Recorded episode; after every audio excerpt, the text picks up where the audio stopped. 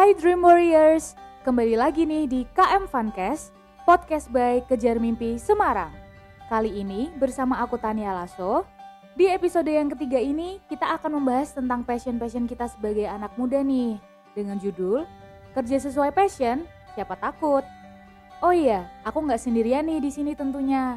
Aku lagi bareng sama musisi hits dari Semarang. Siapa lagi kalau bukan Kak Fahmi Rois? Halo Kak Fahmi, apa kabar? Halo halo luar biasa seneng banget pokoknya uh, sehat selalu juga buat kita semua aku juga lagi fit fitnya uh, semoga uh, di masa kayak gini nggak ada yang sakit-sakit ya Amin, alhamdulillah deh kalau sehat-sehat semuanya. Oh ya, buat Dream Warriors, biar kalian lebih kenal lagi nih sama Kak Fahmi, boleh dong Kak diperkenalkan dirinya? Oh ya halo Dream Warriors uh, perkenalkan aku Fahmi Rois biasa teman-teman juga manggil aku Fahmi dan aku juga salah satu alumni dari Indonesian Idol 9 dan juga 10 dan juga The Voice. Wah, keren banget ya Dream Warriors. Oh iya, tadi kan Kak Fahmi udah bilang nih kalau Kak Fahmi itu adalah alumni dari Indonesian Idol season 9 dan 10. Boleh dong Kak diceritain pengalamannya yang paling berkesan di terserah deh, pilih. Boleh season Um, 9 atau 10.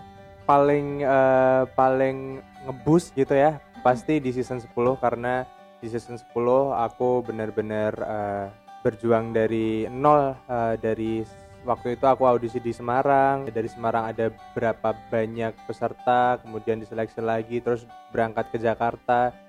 Di Jakarta juga diseleksi lagi golden ticket terus habis itu babak eliminasi dan eh, walaupun berhenti cuma di babak eliminasi tapi eh, banyak eh, pengalaman yang aku dapatkan dan juga banyak keuntungan yang aku bisa raih dari eh, ikut eh, Indonesian Idol season 10 itu.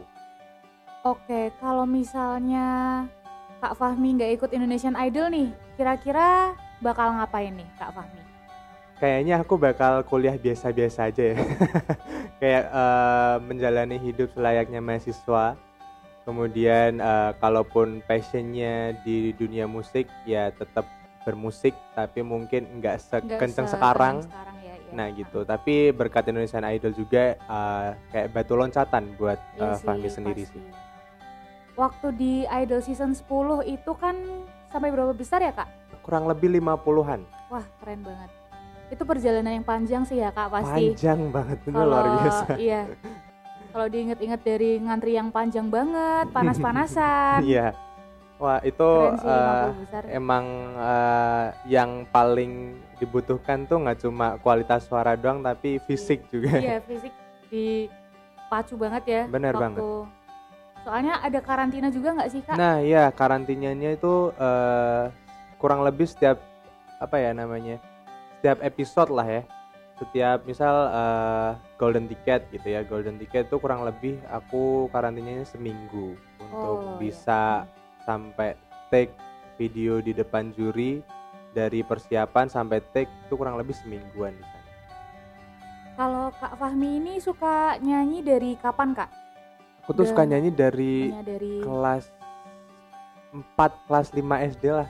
Jadi itu udah ngeband ngeband atau masih nyanyi nyanyi Enggak, aku terserah eh, di suka rumah gitu? bebas, Oh, bebas. bebas. Kayak beli kaset gitu kan. eh, Oh terus iya di- masih iya, zamannya kaset Raja, ya. Ratu gitu. Oh iya, ungu, Bener banget. kangen band. Ya aduh, aku banget itu. Aku. Tapi bagus sih zaman dulu sih Bagus. bagus. Zaman mereka. dulu aku juga tuh- suka soalnya. Siapa sih yang nggak mengidolakan ya kan? Iya benar banget. Terus SMP, SMA udah mulai ngeband gitu kak? Nah, mulai SMP aku dulu tuh belum nyanyi, tapi masih gitar. Jadi aku dia satu anggota band gitu. Namanya tuh dulu eh, bandnya Aneza. Terus nama. Facebookku apa coba? Fahmi Cah Aneza. Fahmi Next Iya, Gaul iya gitu. Iya salah.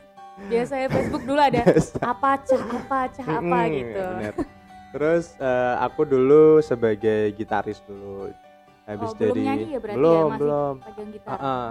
Cuma ikutan nyanyi tuh ketika em, jadi penyanyi cowok tuh kan jarang ya apalagi waktu itu aku di Salatiga eh, emang jarang banget. Dan yang main musik cowok pun nggak begitu banyak. Yang eh, benar-benar niat yang benar-benar mau buat ikutan lomba akhirnya ya udah disuruh eh, guru musik buat ikutan nyanyi aja. Coba nyanyi bantu nyanyi vokal grup. Eh menang ternyata sampai provinsi dan dari Oh, situ ternyata oh eh, aku ternyata lumayan bisa nyanyi gitu ya Masih lumayan ya. waktu Lumayan. itu. kan waktu itu ya Waktu itu. sekarang sih masih Sekarang lumayan juga ya enggak dong. Terus eh, udah mulai band-band gitu, eh, buat kepikiran ikut idol itu ada inspirasi nggak kak atau kayak, aduh aku punya mimpi nih pengen ikut idol atau aduh pengen jadi artis terkenal nih. Mm. Wah, kalau dulu mimpinya tuh dari SD sebenarnya. Kalau dulu tuh liatnya idola cilik. Kamu Oh, masih iya, ingat ya? Cilik. Ya, idola cilik. Alfi juga ya. Ya gitu. Eh, waktu itu tuh nonton itu sambil ngebayangin kalau setiap eh, ada idola cilik main gitu kan, aku tuh sambil ngebayangin, wah gimana ya kalau aku yang di sana, gimana Oh, ya kalau iya. aku yang ikut audisi di situ. Terus ternyata baru kesampaian udah gede nggak jadi idola cilik ya idola Indonesia aja deh. Jadi idola junior Nah. ya. Kalau Kak Fahmi ini kesibukannya apa Kak sekarang selain nyanyi? Kalau sekarang aku sih eh, masih kuliah juga eh, sambil bahasanya apa ya ngamen atau apa ya Eh, bermusik. Nah Oh. bermusik lah. Hmm. Jadi bermusik aku bikin eh, musik juga, bikin eh, video cover juga, aku juga bikin proyekan beberapa tentang eh, audio mixing mastering Oh. dan eh, yang paling sering sih yaitu reguleran, wedding dan sejenisnya lah gitu. Mm-mm. Eh, kuliahnya ambil musik juga nggak nih Kak? Wah enggak, aku dari eh, Fakultas Kedokteran Undip jurusannya S1 Keperawatan. Jadi emang rada-rada Melenceng banget ya melenceng. guys. lumayan sih. Tapi kalau buat aku sendiri lebih ke refreshing sih ya, karena musik itu walaupun emang ada tuntutan di kerjaan, tapi tetap ngerasanya tetap refreshing tuh eh, kerasa gitu. Jadi waktu ngerjain tugas, tapi juga eh, ngerjain ulikan lagu yang harus buat kerjaan. Heeh. Jadi dua-duanya bisa jalan bareng lah. Tapi misal nih besok udah lulus nih Kak Fahmi, kira-kira bakal jadi musisi atau bakal jadi perawat atau perawat sambil musisi keren juga nih kayak. Boleh, aku sebenarnya pengennya kalau bisa semua aku jalani bareng tuh pengennya bareng. Tapi kalau dilihat dari sistemnya yang udah aku jalani dan aku beberapa kali magang di rumah sakit juga hampir mustahil ya, tapi nggak memungkiri juga. Jadi eh, tetap aku usahain semuanya sih jadi satu. Soalnya suka juga ya Kak Mm-mm, bermusik nggak mungkin ditinggalin lah. Hmm, kalau aku tuh ngebahasanya kalau di kesehatan tuh ya ilmu kehidupan, kalau di musik tuh ilmu kejiwaan itu Oh jadi iya, tentang hati. biar seimbang ya. Iya, seimbang. Biar nggak gila. bener banget, bener. Kalau dari teman-temannya Kak Fahmi, keluarganya Kak Fahmi itu support nggak Kak kayak atau mereka kayak kamu gimana nih kuliahmu kok eh, kamu Eh. malah kerjanya melenceng banget Mm-mm. dari jurusanmu gitu ada kayak gitu? Kalau dari keluarga sebenarnya support banget. Eh, aku Oh, mau milih apa, mau milih di musik atau benar-benar di kesehatan atau dua-duanya jalan, selagi aku tuh bertanggung jawab, it's okay gitu. Dan aku seneng banget kalau digituin, malah eh, ngasih kelonggaran gitu buat aku Oh, bisa iya. menjalani hidup juga. Tapi pernah nggak sih Kak punya pengalaman yang kayak nabrak gitu misalnya eh, Kak Fahmi sore ini nyanyi di sini tapi ada praktek atau apa gitu yang sama kuliahnya urusan kuliahnya gitu Pernah banget. gimana tuh ngaturnya Ya kalau emang bisa izin tuh aku pasti izin. Tapi kalau emang nggak bisa ya mostly aku milih kerjaan ya. Em, jangan Karena dicontoh ya. dapet duit ya. Iya mungkin. Tapi karena emang hmm, gimana ya kalau di kerjaan tuh kalau misalnya aku izin atau aku nggak bisa padahal aku udah mengiyakan Mm-mm. itu aku nggak bisa seenak jidat ganti orang atau nyari ganti. Tapi kalau Oh, di iya. kan aku bisa cari eh, jam gantinya gitu ya. Jadi aku mm, memutuskan lebih condong kalau buat ngambil job karena aku masih bisa ganti di lain waktu nanti jam prakteknya misal gitu. Oh gitu. Tapi pernah nggak Kak, kayak bener-bener nggak bisa nih. Sedangkan klien maunya aku maunya Fahmi yang nyanyi. Aku nggak mau yang lain yang nyanyi Iya, gitu. pernah pernah pasti pernah. Dan itu pernah juga aku nak eh, apa ya bandel lah maksudnya Eh, jadi cabut jadi berangkat praktek tuh jam 8 jam 4 gitu. Prakteknya siang kan aku berangkat praktek jam 2 terus jam 4 aku cabut. Oh, tapi nggak ada yang nyariin belum selesai. Harusnya sampai jam berapa itu? Jam 9 kan. Dan itu ya ya udah akhirnya besoknya dicariin. Disuruh ganti juga ya udah nggak apa-apa cuma eh, ya itu masa bandelnya lah ya tapi masa izin izinnya juga pernah jadi nggak bandel-bandel banget Tapi nggak bandel-bandel, nggak yang nggak pernah praktek gitu, nggak Hmm, mungkin ya. aku mah anak baik rajin Oh, aku anak rajin. Harus deh.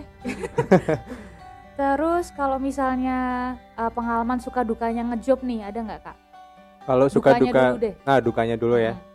kalau dari dukanya mungkin eh, banyak lagu-lagu yang mungkin nggak sepassion sama eh, musikku tapi Oh, tetap harus aku gitu ya? tetap harus aku ulik harus aku bisa gitu ya. Oh, dan itu kadang harus butuh effort eh, berapa kali lipat lah daripada biasanya. Dan eh, moodnya tuh jadi kalau masalah kerjaan tuh nggak cuma masalah mood jadi ya mood nggak mood emang harus eh, bisa kan. Jadi harus dipaksain ya namanya dipaksa kan ada nggak enak malah kan ya. Nggak Mm. lost gitu nggak ya. nggak Heeh. heeh, nggak into gitu Iya iya.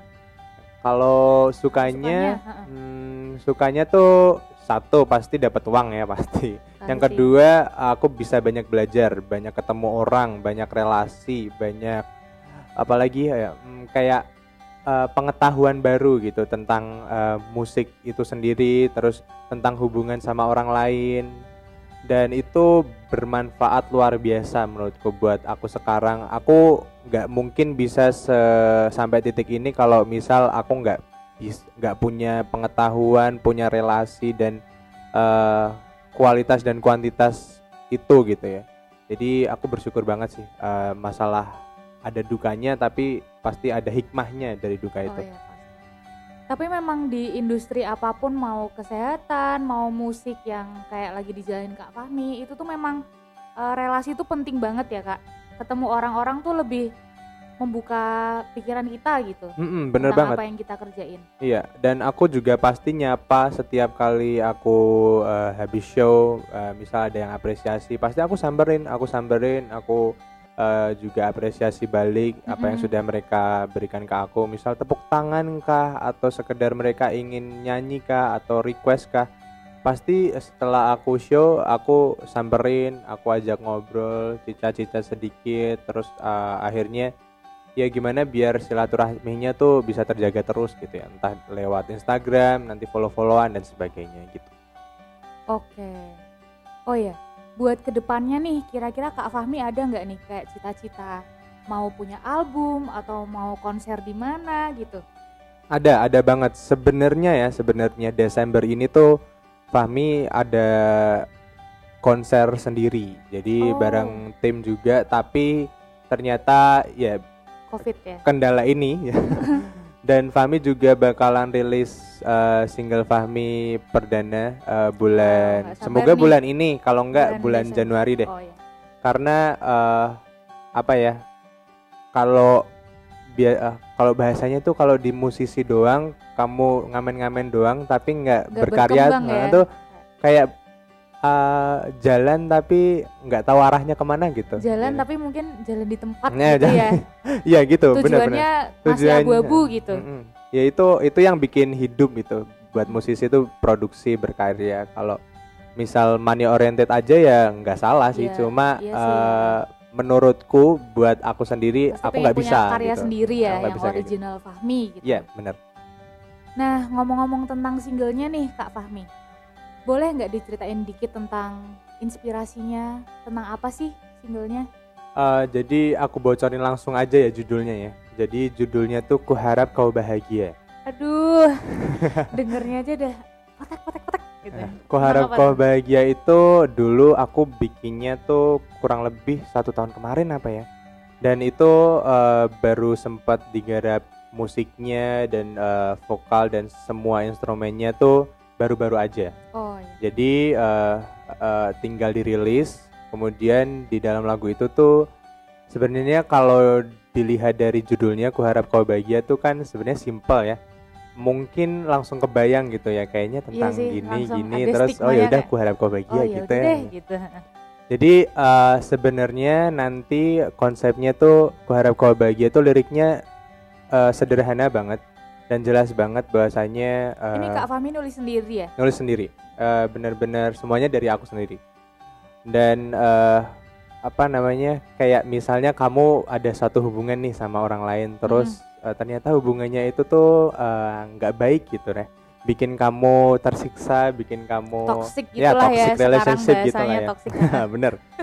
Dan eh, akhirnya ya udah kamu pengennya eh, selesai terus ternyata dianya nggak pengen selesai gitu. Oh, ya udah pokoknya kamu oh. jawabnya ya aku harap kau bahagia aja deh gitu pokoknya.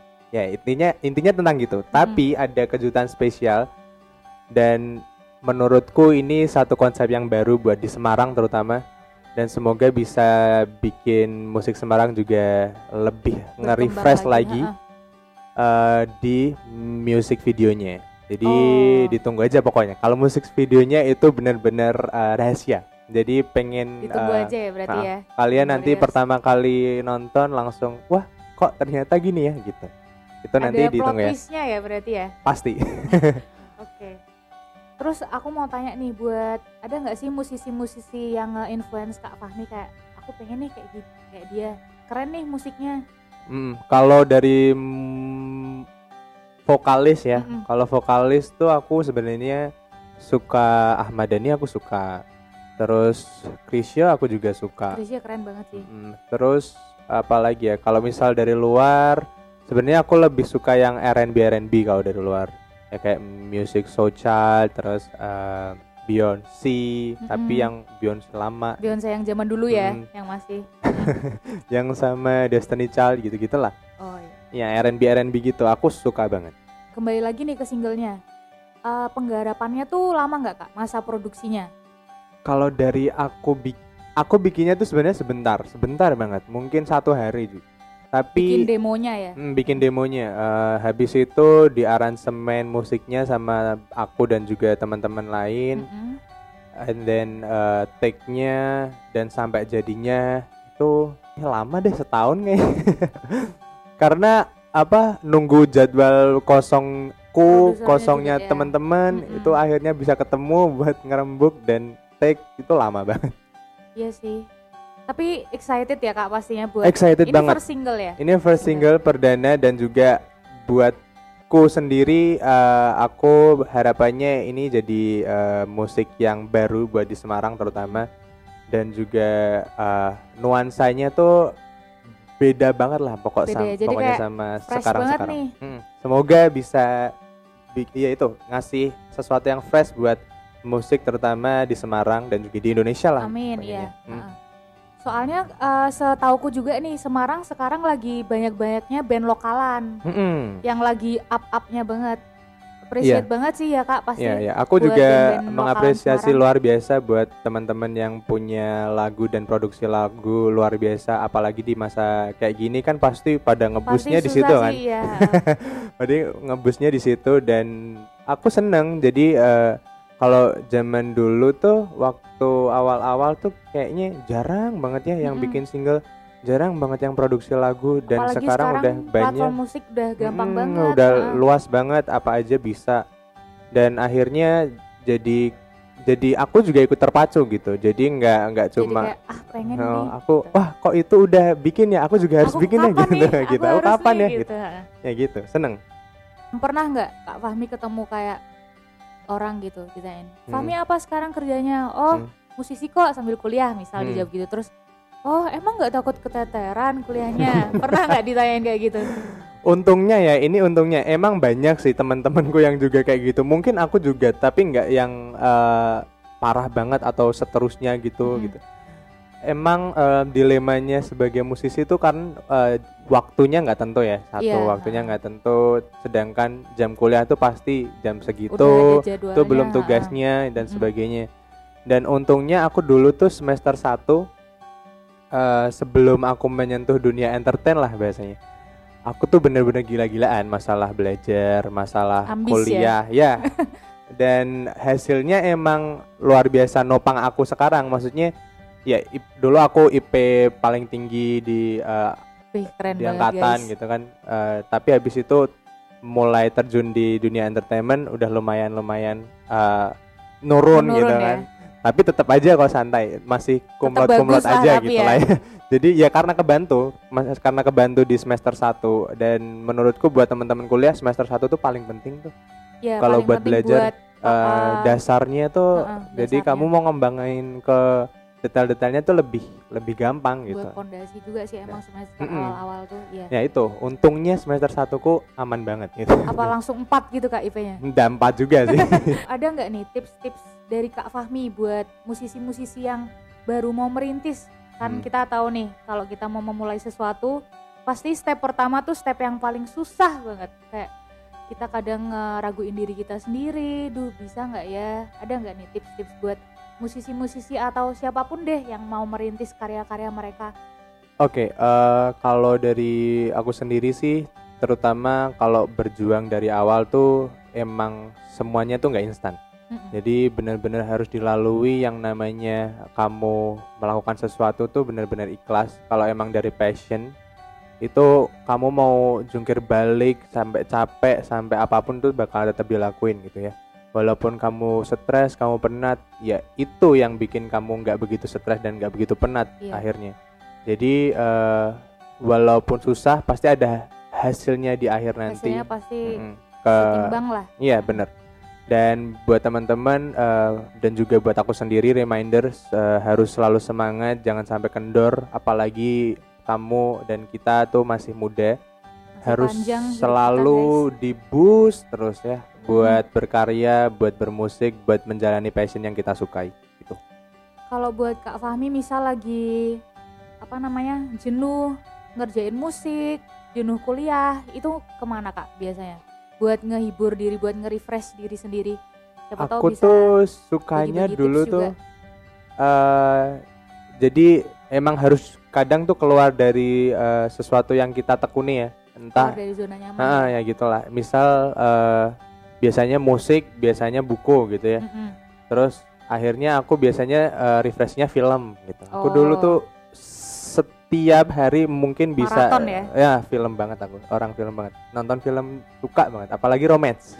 oh ya gitulah. romance suka. yang sedih-sedih mayak Ya, mayak gitu yang Thailand, Thailand. oh Thailand Thailand Lucu-lucu dong. iya sih Lucu-lucu. terus kalau misalnya Kak Fahmi eh, besok udah rilis nih singlenya terus dapat insight dari orang-orang misal Kak Fahmi aku mau minggu pertama udah 10.000 streamers nah misal itu nggak kecapai gitu kira-kira gimana nih Kak Fahmi? Aku tuh dari awal udah bikin gini aku berkarya tuh ikhlas gitu ya. Mau orang menjudge Mau apa pun ya udah. itu emang udah aku rilis mau dapatnya apa pun ya udah. Itu emang usahaku segitu. Ternyata eh dapatnya cuma segini nggak masalah nggak bukan sesuatu yang oh aku jadi stres oh aku harus bikin yang apa ya mungkin ngikuti Yang- pasar kali ya iya, yang iya. gini-gini ya gitu. karena memang bermusik tuh jadi diri sendiri. Mm-mm, jadi diri bener sendiri. Ya bener. Walaupun ya jadi aku punya sisi idealis aku punya sisi eh, pasar lah maksudnya. Mm-mm. jadi idealisku tuh ya di Iya, karyaku gitu. Kalau yang di pasar tuh ya ha. di entertainku. Misal aku jadi penyanyi di mana emang itu harus ngikutin pasar. Mm-mm. nah gitu. Ada target-target lagi nggak Kak di musisi atau di perkuliahannya? Ada untuk saat pastinya. ini. Eh, kalau dari perkuliahan tahun depan pengennya udah eh, wisuda amin Um, amin Amin semoga ya, semua Allah Dream Warriors doakan ya Dream Warriors biar segera Amin, wisuda amin. Terus eh kalau dari sisi musiknya aku pengennya segera rilis music video. Kemudian kalau dari sisi entertainernya aku pengen apa ya? hmm, pengen jadi satu patokan yang eh jadi quality control gitu lah ya kalau Oh. misalnya di di Semarang pengennya sih itu jadi Biar kayak, tertinggi jadi ah, kalau aku misal mau nih kayak Mas Fahmi gitu Mm-mm. ya pengennya eh, kualitas musiknya tuh jadinya kayak gini dan kayak gininya tuh oh kayak Fahmi minimal Mm-mm, gitu ya. sekarang kan lagi masa-masa pandemi kita tahu banyak orang kantoran yang di PHK nggak kerja dan mereka memulai eh, kerjaan baru usaha baru yang berbeda jauh dari pekerjaan mereka sebelumnya ada nggak nih kak eh, tips and trick buat dapat survive di eh, bidang-bidang industri kreatif seperti ini Kalau musik apa pun Mm-mm. dari aku sendiri eh, yang pertama kalau emang benar-benar mau banting setir kalian harus tahu banting setirnya ke mana atau kalian harus menyesuaikan eh, tadi passion kalian. Kalau misal biasanya kamu eh, sebagai eh, pekerjaan A gitu ya. Terus tapi sebenarnya passion kamu tuh B atau passion kamu misal nyanyi Beda atau gitu ya. ngedit video Heeh. atau sejenisnya gitu ya. Jadi uh, banting setirnya tuh harus sesuai passion karena Dari sesuai diri kita walaupun sendiri ya, gitu ya. tadi biar mengurangi resiko gitu. Kalau misal kalian tuh ngejalanin passion kan ikhlas ya maksudnya Iya. walaupun nggak dapat insight tapi kamu Iya, seneng kan ha-ha. ya Karena itu ngelakuin apa yang kita senengin. Mm-mm. nah uh, jadi ngerasanya kayak ya udah walaupun nanti aku banting setir tapi aku seneng walaupun penghasilannya awal-awal dikit tuh nggak langsung stres gitu Iya, karena Uh, karena ini emang pasti fun. gitu Ha-ha, karena iya. a- na- emang awal tuh nggak ada pasti yang instan tadi Ya, itu ya. awal tuh pasti emang struggle-nya luar biasa gitu Oke, untuk penutup nih terakhir, eh, kan kita tadi udah ngobrol banyak banget tentang passion, tentang pekerjaan apa yang kita sukain, tentang cita-cita kita, tentang target-target hidup.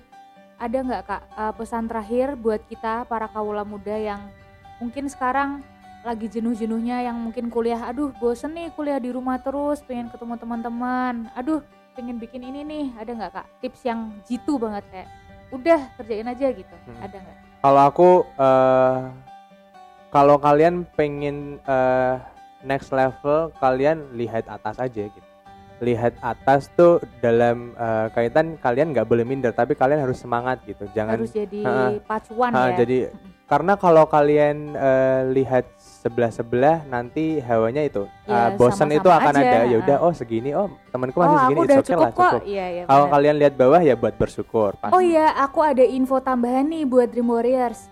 Sekarang, Kejar Mimpi Semarang lagi ngadain kompetisi musikalisasi puisi dengan tema Mother's Day. Buat informasi lebih lanjutnya, kalian bisa langsung cek aja ke Instagram Kejar Mimpi Semarang di @kejarmimpi underscore Semarang underscore. Satu lagi nih sebelum kita menutup podcast episode hari ini, boleh dong kak nyanyi sedikit aja lagu yang dibawain buat kemarin pas audisi yang viral banget itu. Oke, boleh. Lagunya yang aku pasti kembali Aku ya. pasti kembali. Oke. Selamat mendengarkan Dream Warriors. Aku hanya pergi untuk sementara, bukan untuk meninggalkanmu selamanya. Aku pastikan kembali pada dirimu, tapi kau jangan nakal. Aku pasti kembali. Uh, uh, uh, uh. Oh, oh, oh, oh, oh. Aku pasti kembali. Wuh, keren banget ya Dream Yeay, Warriors. terima kasih Wuh. banyak semuanya. Terima kasih banyak semua pendengar Dream Warriors. Semangat selalu. Oke, itu tadi akhir dari episode kita hari ini. See you di KM Funcast selanjutnya. Bye.